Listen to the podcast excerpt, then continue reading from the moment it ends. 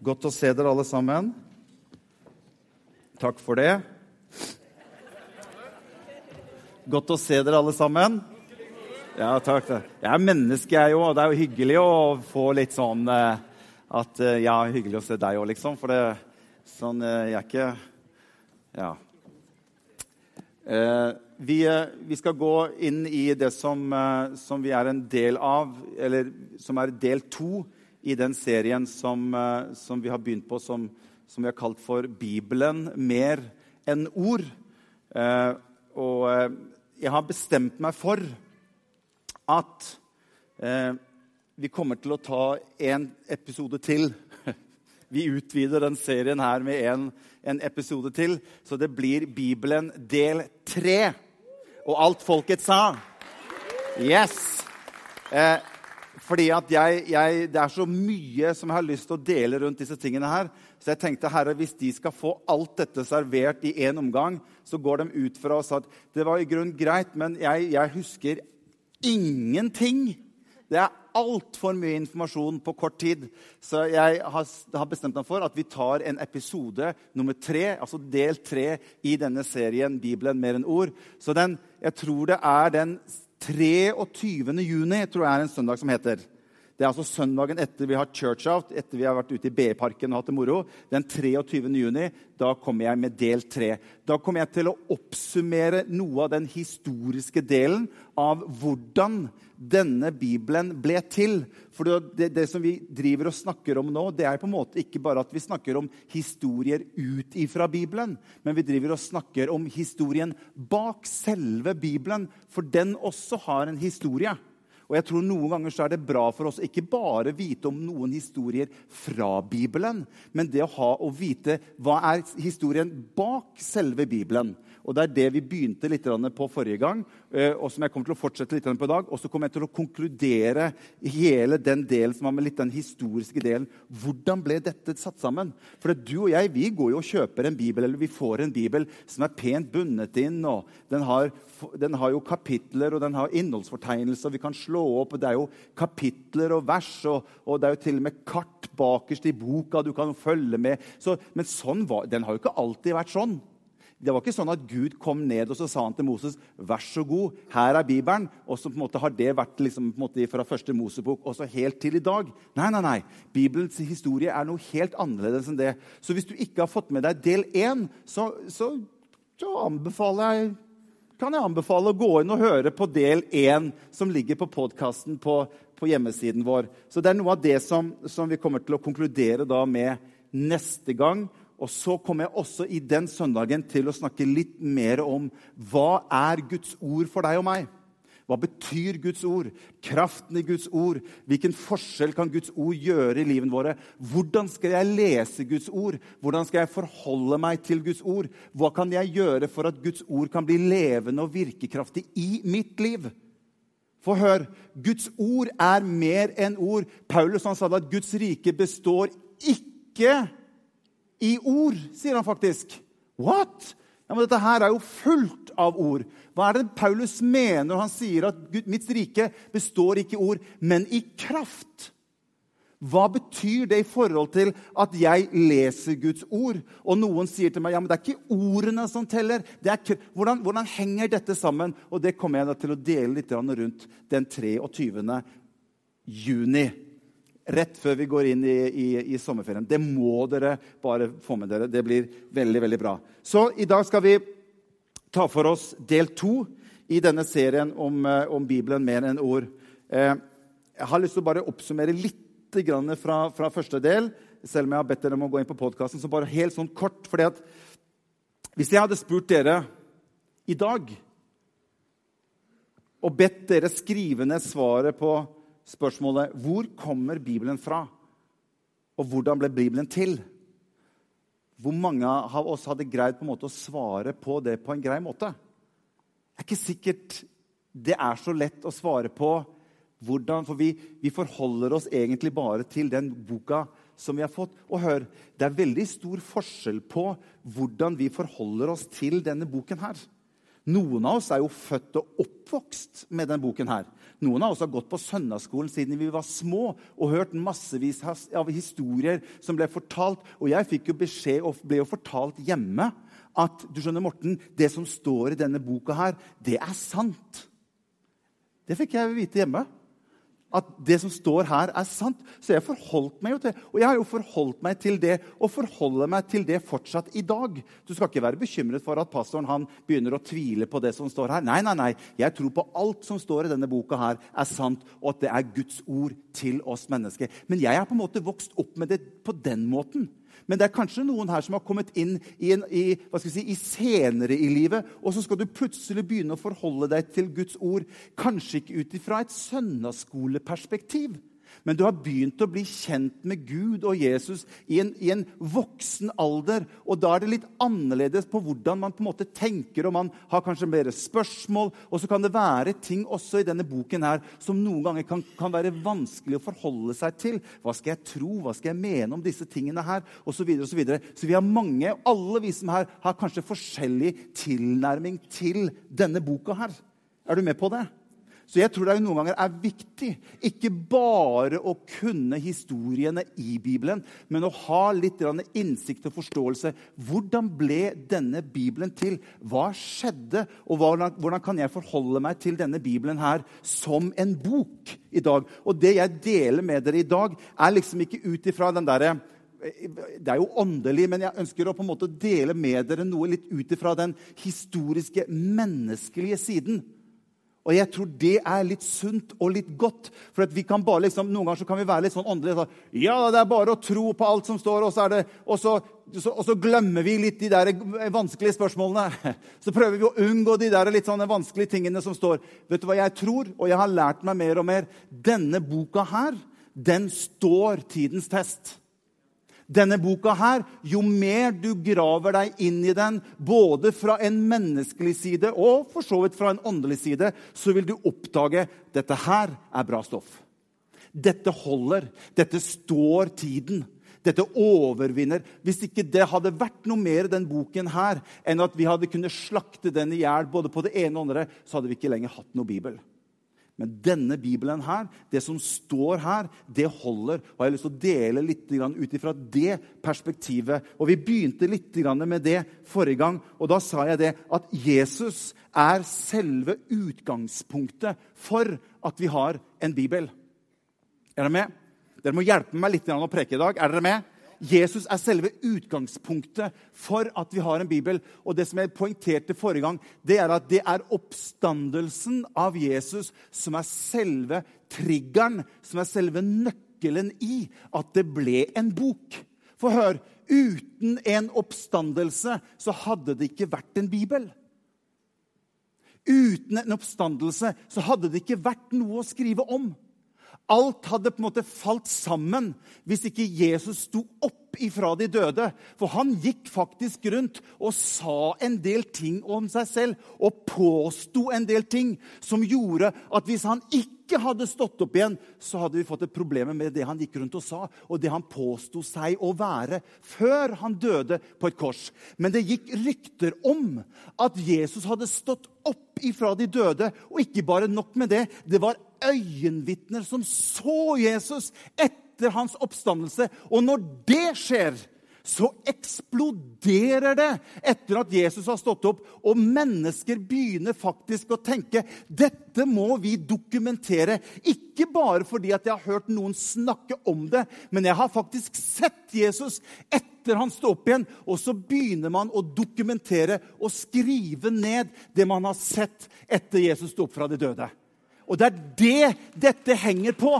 Det er dette som er utgangspunktet for at vi har en bibel i dag. Det er ikke at vi har hørt noe, hørt noe, hørt noe, og så tror vi Nei, vi har sett Jesus. Vi har sett han.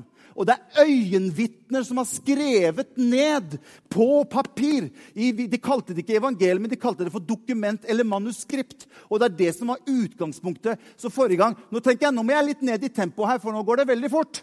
For jeg kommer til å bli fryktelig sliten hvis jeg skal holde dette tempoet her med gjennom hele. Så jeg må, jeg må, jeg må gå ned litt. Er det greit? Jeg må, gå, jeg må hente meg litt inn igjen. de, de, som skal tolke vet du, De kommer til meg etterpå, Morten. Hvis, du, hvis, du, hvis, du, hvis, de, hvis de, de jeg skal tolke til, i det hele tatt skal få noe ut av Du må ned i tempo! Så Jeg vet ikke om de har gått hjem allerede, men uh, ly, lykke, lykke til. Så vi begynte med de fire det vi kaller for evangeliene forrige gang. Matteus, Markus, Lukas og Johannes. To jøder og to grekere. To av disse var jo Jesus sine disipler, Matteus og Johannes, som var øyevitne til de hadde vært sammen med Jesus før han døde. De hadde vært sammen med Jesus etter han sto opp igjen, og de begynner å dokumentere og skrive ned. Og hør, de satte seg ikke ned for å skrive en bibel. Det var ikke sånn at Lukas når han begynner å skrive, så tenker han nå skal jeg skrive en del av Bibelen. Det var ingen som tenkte på Bibel da. Gud hadde en plan. Men de som levde der og da, de tenker ikke at nå skal jeg skrive en del av Bibelen. Nei, se sammen med meg fra forrige gang hva, som, hva Lukas snakker om. For Lukas han er en lege. Reiste en del sammen med Paulus. Han kjente Peter, han kjente Johannes en dyktig lege, en nøye Leger er jo nøye. De skal i hvert fall være nøye. Det er en fordel at de er nøye. I Hvis de skal operere, så er det greit å være nøye. Hvis du, hvis, hvis du er sånn halvveis i koma av legen, hvis du hører liksom kirurgen Nei, jeg tror ikke dette her er så nøye. Det, da våkner du i hvert fall opp av den, eh, den ja. Så Lukas er nøye, og han skriver noe. For det som har skjedd, det er at han har fått kontakt med en som heter Theofilus som har en, en, en høy rang og høy plass i samfunnet den tiden. Theofilus han hadde tatt imot Jesus. og Han begynner å snakke litt med Lukas, og det virker som at han forholder seg på en måte til Lukas. og han liksom snakker med Lukas, for Det er mange ting som flyter litt rundt omkring. Og så, hva, hva, hva, skal jeg forholde meg til, Lukas? Hva tenker du? Hva noen sier? at Og så, videre. og så setter Theof eh, Lukas seg ned, og så begynner han å gå inn i materien. Og hør, når vi leser Lukas, når vi kaller Lukas evangeliet, når vi leser dette, hør, dette er historiske dokumenter. Noen ganger når jeg leser i Bibelen, så glemmer jeg liksom at det er historiske dokumenter. Jeg bare leser det på en måte som en bok som har noen historier. Men dette er historiske dokumenter som er skrevet av øyenvitner. Og Det er det jeg syns er så sterkt å se når du går inn i materien i Guds ord. Så Lukas han går i gang, og så står det fra vers 1 i kapittel 1. Se hva Lukas begynner med. Han sier, 'Mange', sier han. Mange har forsøkt å gi en fremstilling av det som har blitt oppfylt, eller det som har skjedd iblant oss, slik vi har fått det overlevert av dem som helt fra først av var øyenvitner og tjenere for ordet. Og så skriver han nå har også jeg bestemt meg for å gå nøye igjennom alt fra begynnelsen av og skrive det ned for deg i sammenheng, ærede Theofilus. Og så står det så du kan vite at det er pålitelig, det du har fått opplæring i. Og når jeg leste det her i dag tidlig, så tenkte jeg ja!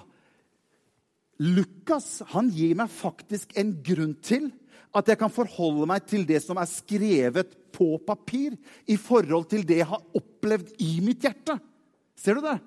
Han skriver til Theofilus at det du har opplevd i ditt hjerte, det kan du også få lov til å vite gjennom skriftlig materiale. At det faktisk stemmer, det du har opplevd i livet, mitt, i livet ditt. Og det er det samme med meg. Når jeg har opplevd Jesus i mitt liv, så er det en opplevelse, men jeg kan forholde meg til Skriften. At det som står i Guds ord, det stemmer historisk sett også. Som historiske dokumenter. Og det som ligger Lukas på hjertet, og det som ligger de fleste på hjertet helt fra begynnelsen av, det er det som jeg nevnte for dere i stad. Triggeren er at Jesus han har stått opp igjen fra de døde. Det var, det var selve nøkkelen nøkkelen, det var selve fokuset. Det var det som gjorde at disse guttene begynte å skrive. Derfor skriver Lukas i Apostlenes gjerninger, for han var også den som skrev det. Han sier det i, i Lukas kapittel 2 og vers 32. Denne Jesus har Gud reist opp. Og så sier han, det er vi alle vitner om, sier han. Fantastisk. Så vi har, vi har fire dokumenter eller manuskripter fra Matteus, Markus, Lukas, Johannes som historisk sett er øyenvitner, som har skrevet dette ned. Og hør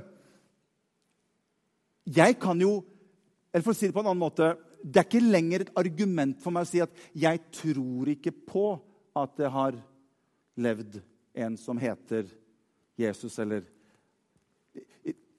Ta f.eks. Aleksander den store. Er det noen av dere som tror at Aleksander den store har levd? Vet du når han døde? Han døde i år 323. Det tok 400 år før den første historiker begynte å skrive om livet til Aleksander den store.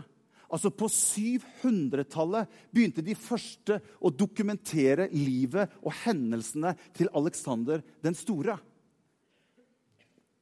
Her ser du fire dokumenter fra Matteus, Markus, Lukas Johannes som er så tett innpå at de til og med historisk sett er øyenvitner til det de har sett. Vi har ikke ett dokument fra noen som har vært øyenvitne til Aleksander den store. Men det er greit for oss å forholde oss til og tro på. Men her har du dokumenter som er historiske, og som vi kan gå tilbake til. Disse så noe, og så skriver de ned noe, og vi kan forholde oss til det på et historisk sett også. Det holder. Jesus han sto opp ifra de døde, dere. Og det var folk som så det, og de skriver det ned. Og det kan vi forholde oss til. Dette er historiske fakta på akkurat lik linje som at vi tror på Aleksander den store og alle de andre i Hakkebakkeskogen eller våre eh, Ja.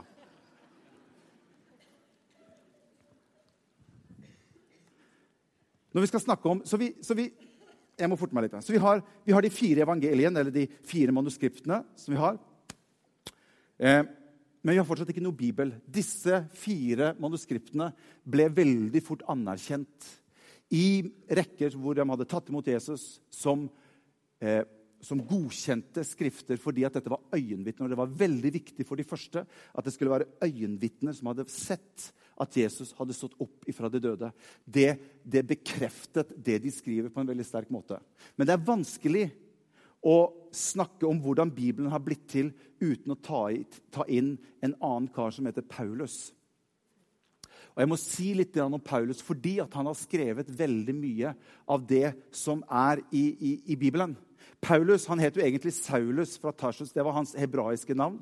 Han var også romersk statsborger, og Paulus er det navnet han på en måte bruker etter hvert i livet sitt. Paulus han var en fariseer. Han var godt kjent i Skriftene. Han var meget godt kjent i Skriftene. Han kunne det på rams. Så de hellige jødiske skriftene de kunne Paulus på rams. Så før han var det som vi kanskje mest tenker på Paulus, så var han en etterfølger etterfølger av de kristne. For det som skjer når andre enn, hedne, andre enn jødene begynner å ta imot Jesus, så er det noe som skjer på en måte blant de jødiske troende. Det er at de begynner å oppleve at de hedningene som er på utsiden av den jødiske tro og kultur, de begynner på en måte å liksom å ta litt tak i, i, i, i dems Gud. Og Jeg skal komme litt tilbake på dette etterpå. Men oppi dette så dukker Saulus, eller Paulus opp. Og han er rasende for at hedningene nå har begynt å blande seg inn i den, i den tro som de har, og de, med, den Gud som de har. Og Paulus han blir jo en etterfølger av de kristne. Han går jo rundt og ønsker å slette ut alt som har med kristne som begynner å blande sammen alle disse tingene her. Og det er jo der Paulus kommer inn i bildet. Som en etterfølger, som en fariseer, godt kjent i Skriftene, etterfølger de kristne. Og så, så, kjenner mange av oss til episoden han er på vei til Damaskus for å ta noen flere kristne. Så kommer Gud selv, så kommer Jesus selv og møter Paulus. Og han får en fantastisk omvendelse, og han snur om. Og jeg skjønner jo at det tar litt tid blant hedningekristne som hadde tatt imot, tatt imot Jesus, og slippe han broderen for tett innpå. For han, han, han var truende til veldig mye. Bare han kunne komme tett innpå, så tok han livet ditt. Så hvis han hadde begynt å se at han nå har blitt måte, konvertert og tatt imot Jesus og anerkjenner han som Messias, den sitter litt inne.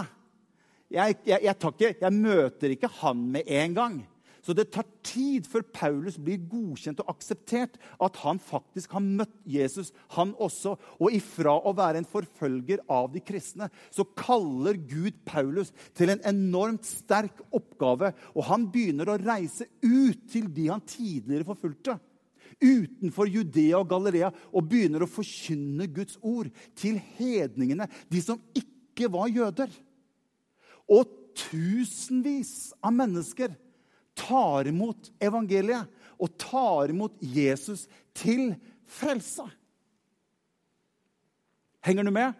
Dette her er litt skoletime, jeg veit det. Men bare, bare, nikk litt og la. ja, ja. Så kan du oppdatere Facebooken parallelt. av, Og så gi, gi meg bare litt sånn følelse av at du er med her. ikke sant?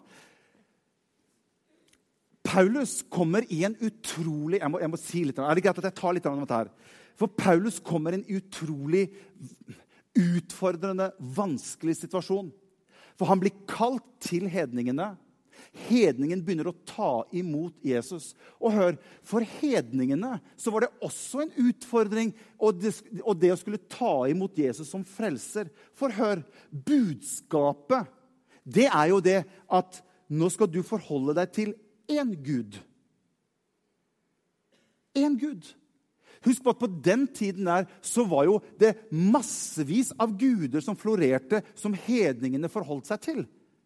Man hadde territorielle guder, man hadde, hadde, hadde eh, nasjonale guder, man hadde samfunns, eh, samfunnsguder, man hadde familieguder. Sånn at Hvis du flyttet fra et sted til et annet sted, så tok du jo bare gudene med deg. Og så flyttet du, så kom du til et annet sted. Og hvis der du flyttet, hvis de hadde noen andre guder som du tenkte ja, men det her er jo en litt fin gud, så kunne du bare ta den inn i samlingen din sammen med de gudene som du hadde fra før. Det var på en måte, si, var på en måte den måten man, man, hadde religion på. Så religionene var jo ikke så distinktive som de er i dag på denne tiden. Så kommer budskapet om Jesus Kristus, og så oppdager de og får tak på Jesus. Og nå begynner på en måte det som jødene hadde stått for alltid, at det finnes bare én Gud. Og når hedningene tar imot Jesus til frelse, så oppdager de også at det finnes bare én Gud. Og dette var problematisk. For det som skjedde blant bl.a. romerne, det er at du skal legge merke til at jødene hadde ikke den forfølgelsen av det å tro på Gud som det de første kristne hadde. For romerne de var veldig sånn at de hadde respekt for de gamle religionene. Og romerne og grekerne de visste at jødedommen er mye eldre enn den, den religionen som vi har. Og i jødisk tro så har det fra dag én vært at det finnes bare én Gud. Så romerne de lot jødene få være i fred uten å måtte forfølge. Og jødene var jo på en måte sånn av tradisjon også at de trengte ikke på en måte å proklamere veldig høyt ut på byen at nå må dere andre også forholde dere til én gud. Så romerne lot de være. Men når hedningene begynte å tro på én Gud. Og de begynte å gå ut og til og med rope ut på torgene og si at vet du, dere må legge bort de andre gudene, for nå er det bare én Gud som gjelder. Da skjer det et eller annet. Da begynner forfølgelsen av de kristne som påstår at vi må legge bort våre guder, og nå er det bare én Gud. Henger du med? Det var en lang setning, følte jeg. Og det er i dette Paulus kommer inn og ikke bare nok med det, få med dere dette her. Hedningene som tar imot Jesus Kristus til frelse, de hadde jo ikke noe forhold til jødisk tro og bakgrunn og kultur. De var jo egentlig ikke heller interessert i hva skal vi si, jødisk tradisjon. Men de hadde fått tak på Jesus.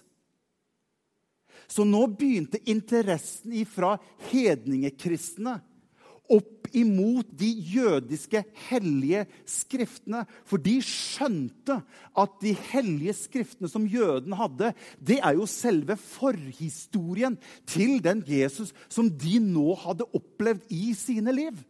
Så interessen for skriftene til jødene begynte å melde seg veldig raskt. Ikke tradisjonen, ikke kulturen. Det hadde de ikke så veldig lyst til å ha noe del av. For det var for veldig mange veldig strengt. og veldig, det, det, det ønsket de ikke. Men Skriften ønsket de. Og dette skaper gnisninger og ikke bare nok med det. Når de begynner å få tak på de hellige skriftene som jødene hadde, så ser jo de at dette her er jo loven og profetene som hadde profetert om at det skulle jo komme en Messias som skulle være til frelse for hele verden. Og hedningen sier ja, men vi har jo fått tak på denne Jesus. Og så kommer de tilbake og så sier jo de til de lærde jødene Hvorfor har ikke dere akseptert han som dere har i skriftene deres? Og da begynner det å bli en slags form for gnisning mellom heden, hedningekristne og de jødiske, jødiske troende som hadde holdt denne tradisjonen og enda ikke hadde trodd at Messias hadde kommet. Og de første hedningekristne gikk såpass langt at de sa ja, men vet du hva, da kan jo ikke dere være de som skal forvalte de hellige skriftene. For der påpekes det jo at det skal komme en Messias. Han har jo vi fått tak i. Og så begynner de første kristne å ta inn de jødiske skriftene inn i sin setting. Og det, ikke, det går ikke mer enn til år 200 så begynner de å bruke alle de hellige skriftene i sine gudstjenester. Og de kaller det ikke lenger for jødiske skrifter, men de kaller det for de kristnes skrifter. Og så begynner det å bli gnisninger mellom jøder og de troende kristne. De kristne sier at 'hvorfor skal vi forholde oss til dere lærde fariseere', når ikke dere greier å tolke deres egen skrift?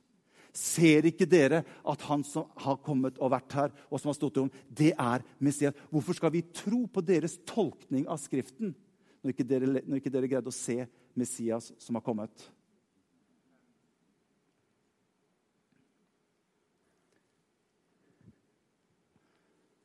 Og Paulus han får en veldig sterk tjeneste midt oppi dette. Fordi jødene som tar imot Jesus til frelse, blir på en måte litt sånn mellomledd mellom de som ikke har tatt imot Jesus til frelse av jødene, og de nyfrelste hedningene. En hedning Det er kanskje noen som sitter her og tenker ja, men jeg er jo ikke en hedning. Jo, alle vi er hedninger. bare sånn. Alt som ikke er jøde, er hedninger per definisjon. Jeg er nordmann. Ja, det, men, men altså, det, det, er hedning, det òg. Skikkelig hedning, for å si det sånn. Ja, Vi har vært hedninger ganske lenge. Ordentlig. Så Paulus han kommer inn i dette. Og det er dette som er utfordrende på Paulus. Derfor så syns jeg at når Paulus får sin tjeneste, så får han en sterk tjeneste fordi han var så ihuga, hvis du skjønner hva det ordet betyr. Fariseer. Han kunne de hellige skriftene på rams. Han konverteres, og Gud setter setter Paulus inn som et sterkt bindeledd mellom de, hedning, de nye hedningekristne og den jødiske tro. Jeg skulle gjerne ha kommet, gått inn i den problematikken. Hvordan, hvordan, hvordan, man begynner å snakke om vi husker det Jerusalem-møtet. Hva skal vi legge på hedninger? Jeg får ikke tid til å gjøre det denne gangen. Det skal vi komme inn på en annen gang. Men jeg har bare lyst til å anerkjenne Paulus sin plass i Det nye testamentet. For han begynte å skrive brev til de kirkene som han hadde vært med å grunnlegge utover i hele Asia. Så han begynte å sende brev tilbake til de, og de brevene begynte å bli veldig etterspurte. For Paulus han sitter med en enorm visdom. Han kan hele Den hellige skrift fra før. Og Han har opplevd Jesus, og han begynner å skrive om hvordan vi skal forholde oss mellom det som har vært, og det som nå er. Det blir på en måte Paulus sin sterke tjeneste. Så Derfor så pleier jeg å si hvis du ønsker å lese om hvordan vi skal forholde oss mellom det vi i dag kaller for det, den gamle pakt, eller Det gamle testamentet, og Det nye testamentet, så er Paulus helt klart den som har mest lys over å se på hvordan vi skal forholde oss mellom disse to tingene i Bibelen. Det er hans, det er hans tjeneste. Det som er viktig å få med Jeg skal snart gå inn for landinga. må, må følge med meg litt. Dette er, det er litt tungt. jeg vet Det Det som er viktig å få med, det er at Paulus har en enormt ydmykt forhold til seg selv. Han som hadde vært etterfølger av de kristne. Se hvordan han ser på seg selv i 1. Korinterbrev kapittel 15. For jeg er den ringeste av apostlene, sier han. Og jeg er ikke verdt å kalles apostel. Det virker som, virker som at dette, dette, fulgte Paulus litt. Dette, dette, dette, gnagde kanskje litt i Paulus. For, jeg har forfulgt Guds menighet, sier han. Men ved Guds nåde er jeg det jeg er, og Hans nåde mot meg har ikke vært forgjeves, sier Paulus. Men jeg har arbeidet mer enn de alle. Så han, han skjønte Han har stått på fælt, Paulus. Jeg har kanskje jobba mer enn alle de andre apostlene. Og så går han litt tilbake og sier han, men, men ikke jeg. Men Guds nåde som er med meg.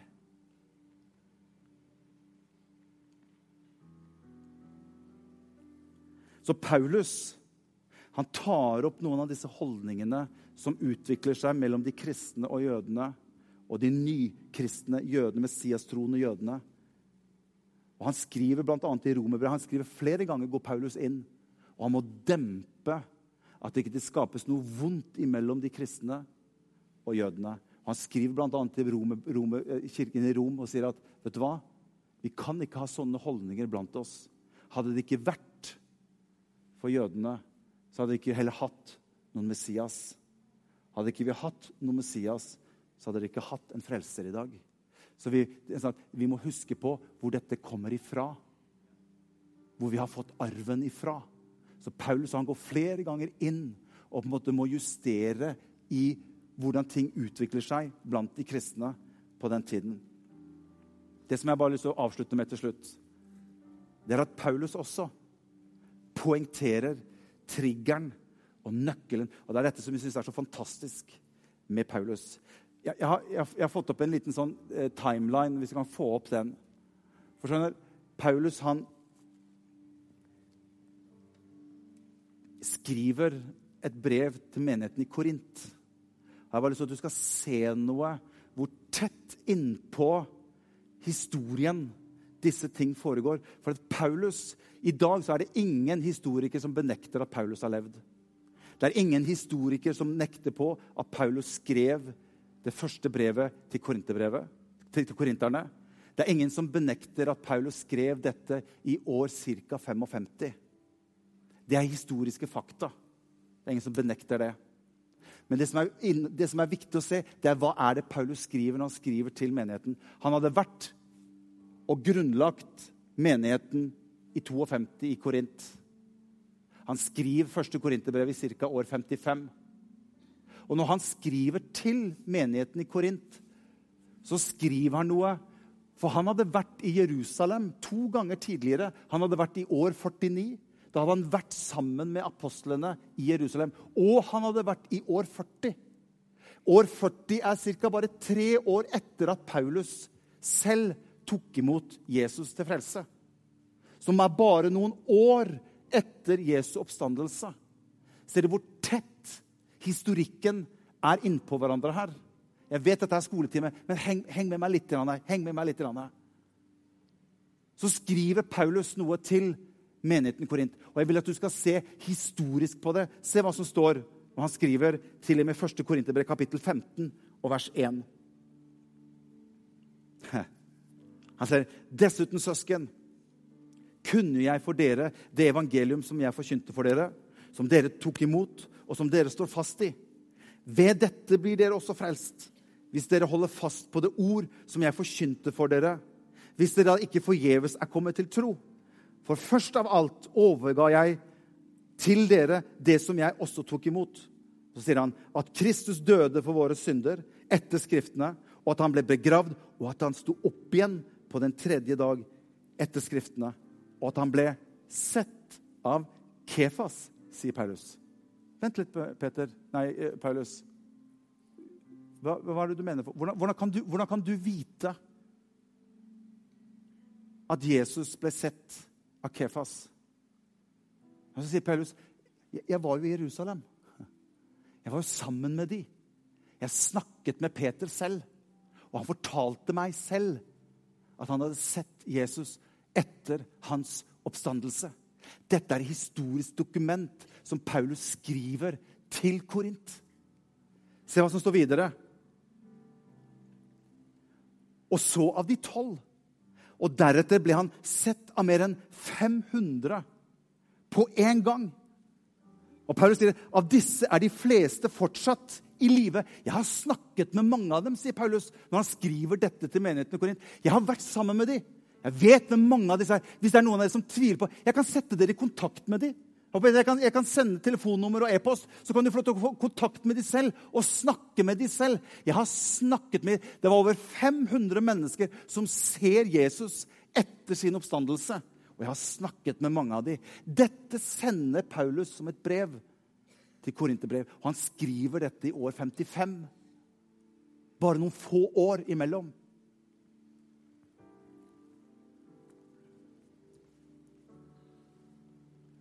Jesus har stått opp fra de døde.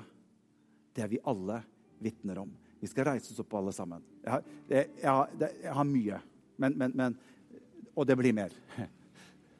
Men jeg, har lyst til at dere skal få litt innsikt i noe av disse tingene som er historien bak, bak Bibelen.